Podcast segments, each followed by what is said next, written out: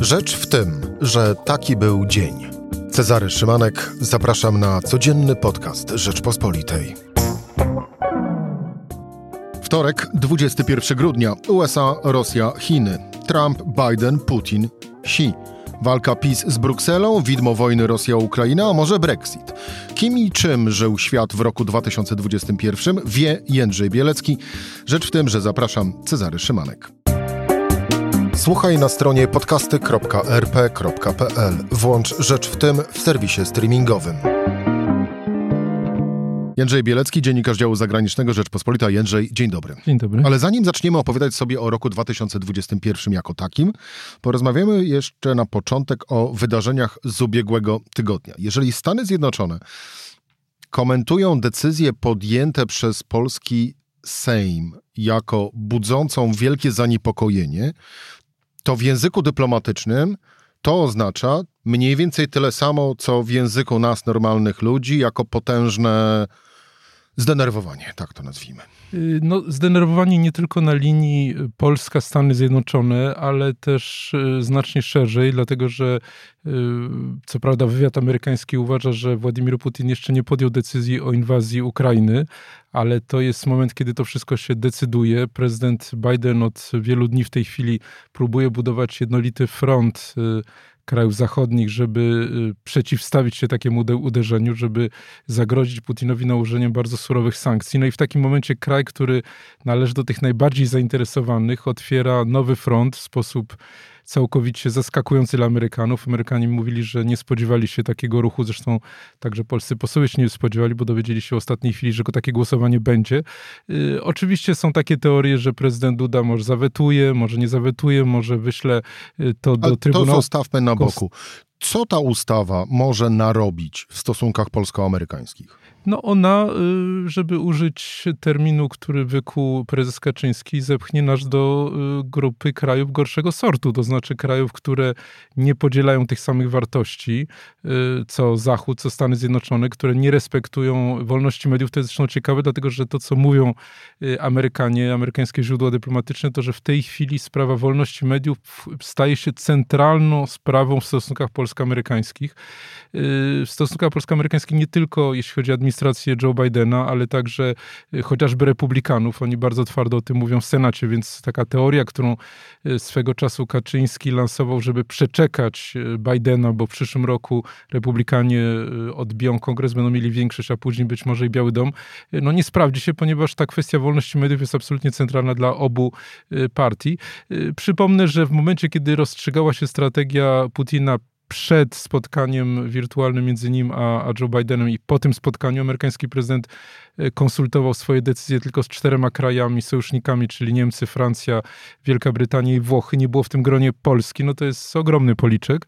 E, potem próbowano to jakoś zatuszować. Było spotkanie wirtualne tak zwanej bukareszteńskiej dziewiątki, czyli państw flanki wschodniej, ale teraz nawet i tego nie będzie. Więc co to oznacza? No oznacza to, że jesteśmy zmarginalizowani.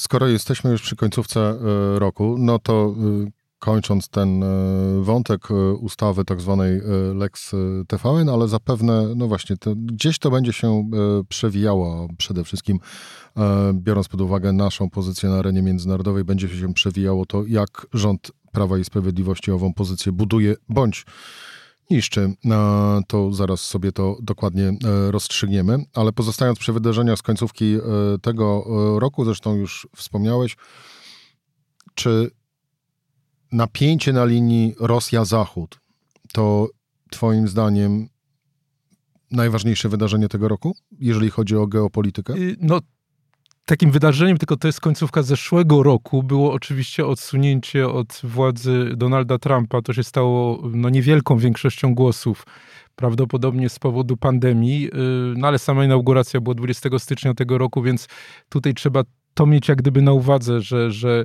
chodzi o, o prezydenta, który przywrócił w jakiś sposób ten mainstream demokratyczny, ale to już było przewidywalne, no bo wynik wyborów to był listopad zeszłego roku, więc powiedziałbym, że tak. To znaczy, że widząc między innymi to, co się dzieje w Stanach Zjednoczonych, prezydenta, który no nie jest do końca mocny, który ma wielkie kłopoty chociażby z blokowaniem swoich nominacji przez, przez republikanów w kongresie, który no, w sposób dosyć katastrofalny doprowadził do wycofania wojsk w Afganistanie, y, prezydent Putin uznał, że to jest ten moment. To znaczy, że y, y, jeżeli nie teraz, to już nigdy nie będzie mógł odbudować rosyjskiego imperium. Cały czas ma, ma, ma w tyle głowy to, co kiedyś powiedział, że rozpad Związku Radzieckiego jest największą katastrofą geopolityczną XXI wieku. To jest zresztą dosyć wynik dosyć długiego toku myślenia prezydenta Putina, między innymi takiego, że został oszukany według niego przez y, Angelę Merkel i, Emmanuela Macrona w ramach formatu normandzkiego. Przez 7 lat y, zwodzono go, że Ukraińcy wprowadzą w życie to postanowienie, postanowienie przyjęte y, no, w stanie wyższej konieczności przez Ukraińców, kiedy groziła im inwazja w 2015 roku i mówiące o tym, że Ukraina byłaby tak dalece zdecentralizowana, że regiony pozostające pod wpływem Rosji, czyli Ługański, Donieck, miałyby prawo weta w sprawie strategii strategicznych decyzji dotyczących Ukrainy. On wierzy, że to się stanie.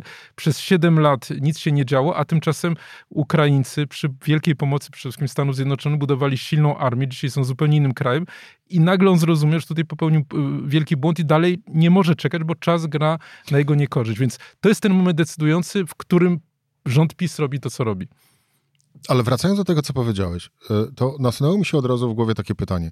Czy gdyby Trump był prezydentem Stanów Zjednoczonych drugą kadencję, czy to, co dzieje się teraz y, za naszą wschodnią granicą, miałoby miejsce, czy nie?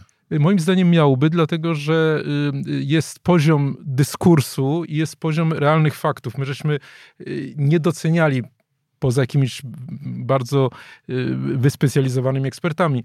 To, że ukraińska armia stała się bardzo potężną siłą, że po armii tureckiej jest być może jedno z najsprawniejszych w tej chwili na zachodzie w Europie. Stanowi poważny, y, po, poważną przeszkodę dla inwazji rosyjskiej i to było kontynuowane przecież y, przez, przez Trumpa, najpierw przez Obamę.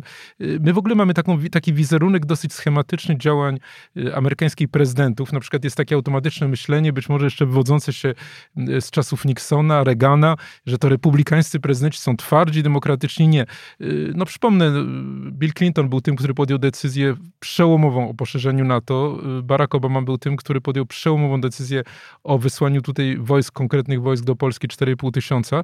Więc taki schemat, jak gdyby, y, y, który, który jak gdyby pokazuje tylko tą, tą wierzchnią warstwę, nie jest słuszny. On powiedział, że, że i, i jeszcze jedna rzecz, no, Stany Zjednoczone to, to, to nie jest taki kraj, w którym wybór jednego człowieka całkowicie zmienia politykę kraju. No, Pentagon ma ogromny wpływ na to, Departament Stanu ma ogromny wpływ na to.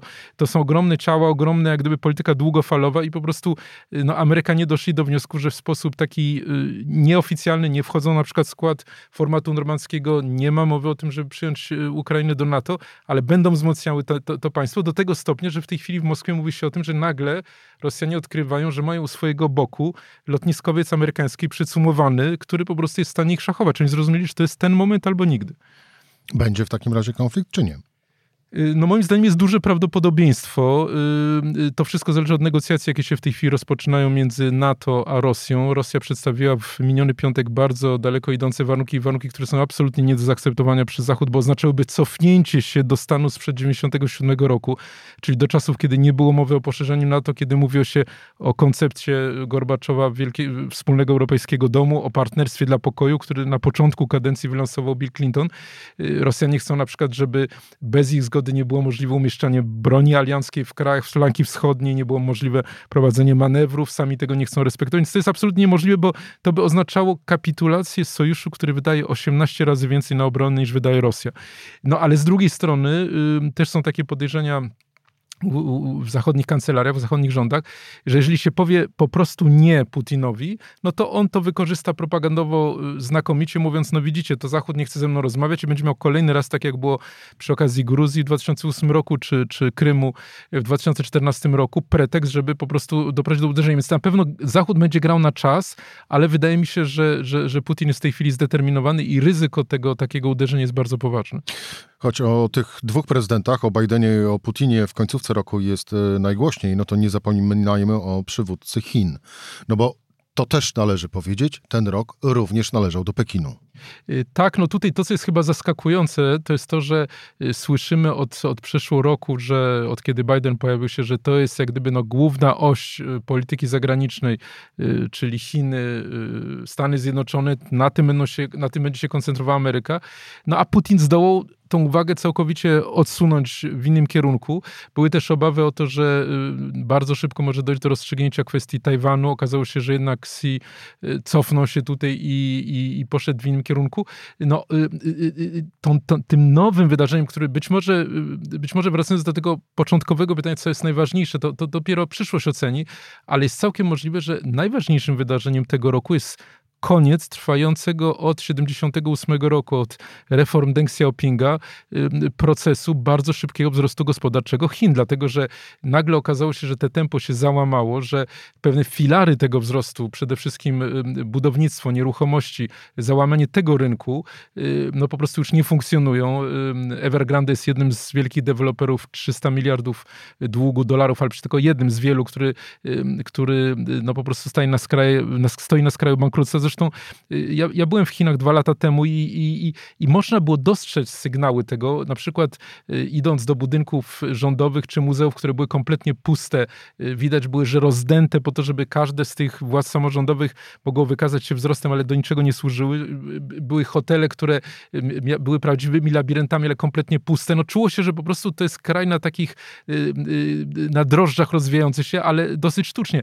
No i kolejna rzecz, która też jest tym wielkim motorem, przecież była wielkim motorem wzrostu gospodarczego Chin, no to chodzi oczywiście o, o globalizację, o, o, eksport, który w tej chwili wyhamowuje, dlatego że zarówno Stany Zjednoczone, jak i Europa y, chcą y, powrócić do, do, do produkcji u siebie. Widzą, że jest to związane, że jest to wymóg no, y, problemu, z tego wynikają problemy socjalne, duże bezrobocie, no ale też jest kwestia bezpieczeństwa. Zwyczajnie okazało się bardzo ryzykowne to, że człowiek zależy, czy kraj zależy od importu strategicznych dóbr z Chin. Więc w związku z tym być może, być może Xi nagle zorientował się, że musi kompletnie zmienić y, y, system działania i nie stać go na, na prowadzenie takiej ofensywnej polityki zagranicznej. Pamiętajmy, że tam oczywiście to jest dyktatura, ale jednak dyktatura oparta na takim kontrakcie niepisanym, polegającym na tym, że Chińczycy godzą się z, z monopolem władzy partii komunistycznej, z coraz dalej idącą władzą Xi, pod warunkiem,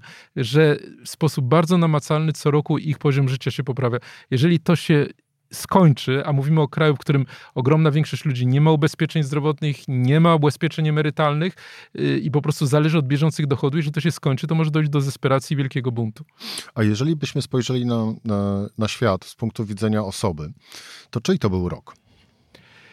No tutaj oczywiście jest, y, jest teorii Według ciebie. wiele. Myślę, że kandydatów jest sporo. Jednym z nich na przykład jest Mario Draghi, y, postać zaskakująca, dlatego że na początku tego roku, zanim on w lutym objął władzę, mówiliśmy o chorym człowieku Europy, kraju, który od 20 lat nie miał żadnego wzrostu gospodarczego, y, który, któremu groziły przedterminowe wybory i było praktycznie pewne, że wygra jest skrajna prawica y, Lega w połączeniu z braciami Włochami, Fratelli d'Italia. I nagle mamy państwo, na którego czele stoi w tej chwili najbardziej wpływowy polityk, polityk, y, który najlepiej sobie radzi z wykorzystaniem 200 miliardów y, euro funduszu odbudowy, który reformuje bardzo sprawnie y, włoski, włoską gospodarkę, włoskie państwo. Stoją jeszcze przed nim takie reformy jak reforma podatkowa czy systemu emerytalnego, no ale jednak to jest to wielkie zaskoczenie, więc, więc gdyby kogoś takiego szukać, może drugą postacią, nie będąc takim eurocentrycznym, byłby tutaj Luis Lula, czyli no człowiek, który siedział pod koniec zeszłego roku w więzieniu, legendarny prezydent z początku XXI wieku, latynoski Wałęsa, przywódca związkowy, człowiek bez, bez wykształcenia średniego, ale z nieprawdopodobnym wyczuciem polityki, który wyciągnął z nędzy 40 milionów Brazylijczyków i który teraz już nie tylko nie jest w więzieniu, bo ze względów formalnych został uwolniony, a chodzi o zarzuty korupcyjne, ale który jest absolutnym faworytem w wyborach w przyszłym roku przyszłym roku i który może odsunąć od władzy. Wszystko na to wskazuje Jaira Bolsonaro ze skrajnej prawicy, więc na przykład to też jest takim, takim y, bardzo zaskakującym y, y, tutaj wydarzeniem. O tych oczywistych bohaterach i nieoczywistych mówiliśmy. Zostało nam jeszcze Jędrzej wydarzenie, ale tutaj trochę ci ułatwię, no bo małe zestawienie przygotowawcze. No, o początek roku, styczeń, o jednym już wspomniałeś, czyli e, szturm na Kapitol, to tuż przed e, zaprzysiężeniem e, prezydenta Joe, Joe Bidena, ale styczeń to również, no właśnie, pewnie większość z Państwa już zapomniało, styczeń to również wyjście Wielkiej Brytanii z Unii Europejskiej tak naprawdę. Koniec Wydarzy... okresu przejściowego. Tak, koniec tego okresu przejściowego. Od 1 stycznia Wielka Brytania już była poza Unią Europejską, ale styczeń to również miesiąc, w którym na całym świecie Liczba potwierdzonych zachorowań na koronawirusa e, przekroczyła 100 milionów osób. E, styczeń to również e, dzień wejścia zimą na K2 przez grupę 10 szerpów z, ne z Nepalu. Idąc dalej, luty no to jest zamach stanu w Mianmie. W lipcu z kolei no, pierwszy prywatny, niezależny od organizacji rządowych y, lot należącej do amerykańskiego miliardera Richarda Bransona, y, lot y, w kosmos. Sierpień z kolei no to są talibowie w Afganistanie i wycofanie wojsk Stanów Zjednoczonych. Wrzesień wybory w Niemczech, grudzień w konsekwencji Olaf Scholz nowym kanclerzem Niemiec. Któreś z tych byś wskazał, czy wymienisz swoje? Jako wydarzenie roku. Jako wydarzenie roku to jest oczywiście dosyć e, trudne pytanie. To była bardzo moja subiektywna lista. Ale, ale być może warto by zwrócić na sytuację, która e, ma miejsce w Wielkiej Brytanii, dlatego że e, wystarczyło 10 miesięcy, a jak gdyby bilans Brexitu jest no, krystalicznie jasny. 19% Brytyjczyków uważa, że to była słuszna decyzja. Boris Johnson stoi na skraju dymisji. Jest obciążony wieloma skandalami obyczajowymi, ale także tym, że gospodarka stoi w miejscu.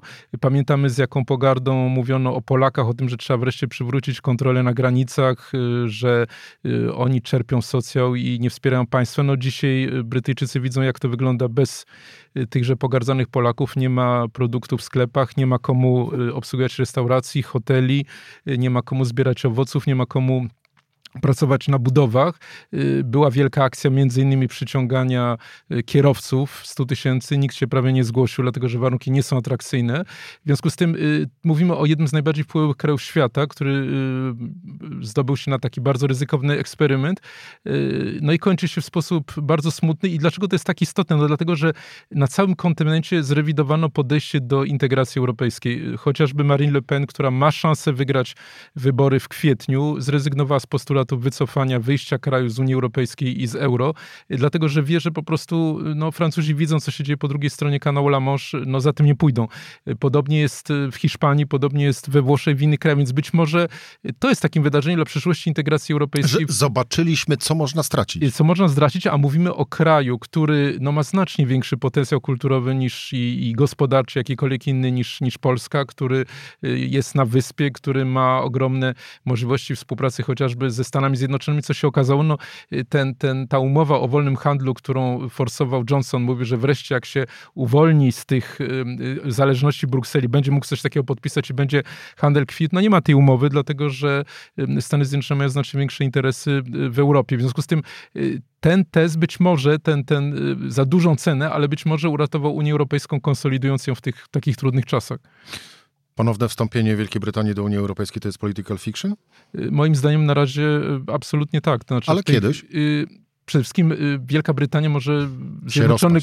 No więc o to chodzi, bo też tutaj oczywiście Szkocja, no tam większość w tej chwili poparcia jest dla wyjścia z Zjednoczonego Królestwa, no i przystąpienia do, do Unii Europejskiej. To nie byłoby łatwe, chociażby dlatego, że Hiszpania bojąc się secesjonizmu katalońskiego by na pewno położyła weto, ale jeśli chodzi o całą Wielką Brytanię, gdyby nawet przetrwano, to przypomnijmy y, to, co mówił generał de Gaulle jeszcze y, y, pod koniec, pod koniec lat 60. On przecież wetował do czasu, kiedy w 70 roku wystąpił, czy tak gdyby złożył mandat i przestał być prezydentem, blokował wejście Wielkiej Brytanii do, do Unii Europejskiej, no wiedząc, co to będzie oznaczało, jaki to będzie paraliż wielu decyzji, ale także to jest oczywiście pewna strata, czy istotna strata, dlatego że Wielka Brytania ma zupełnie inną liberalną koncepcję gospodarczą, gospodarki niż Francja i Niemcy, zdecydowanie bardziej socjalną, przez wiele lat ją forsowała, no a teraz te dwa kraje mogą po swojemu urządzić Unię Europejską, raczej nie będą wciągały z powrotem Wielkiej Brytanii, więc yy, wydaje mi się, że, że, że tak, póki co to jest political fiction.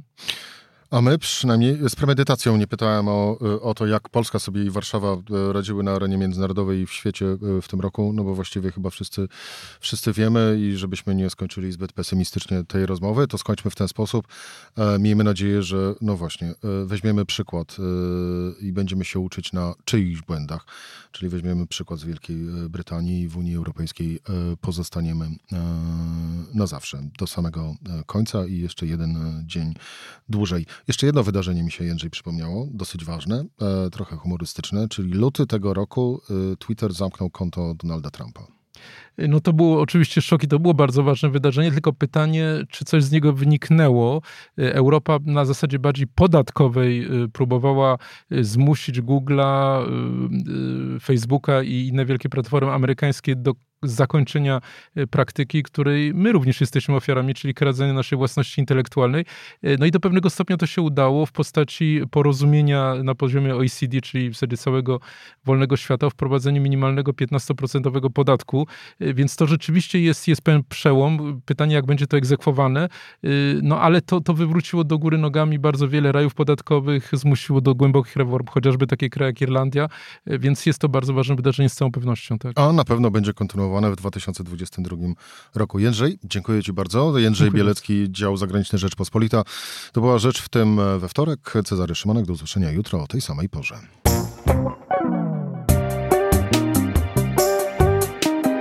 Rzecz w tym to codzienny program Rzeczpospolitej. Od poniedziałku do czwartku o godzinie 17. Słuchaj na stronie podcasty.rp.pl. Włącz Rzecz w tym w serwisie streamingowym.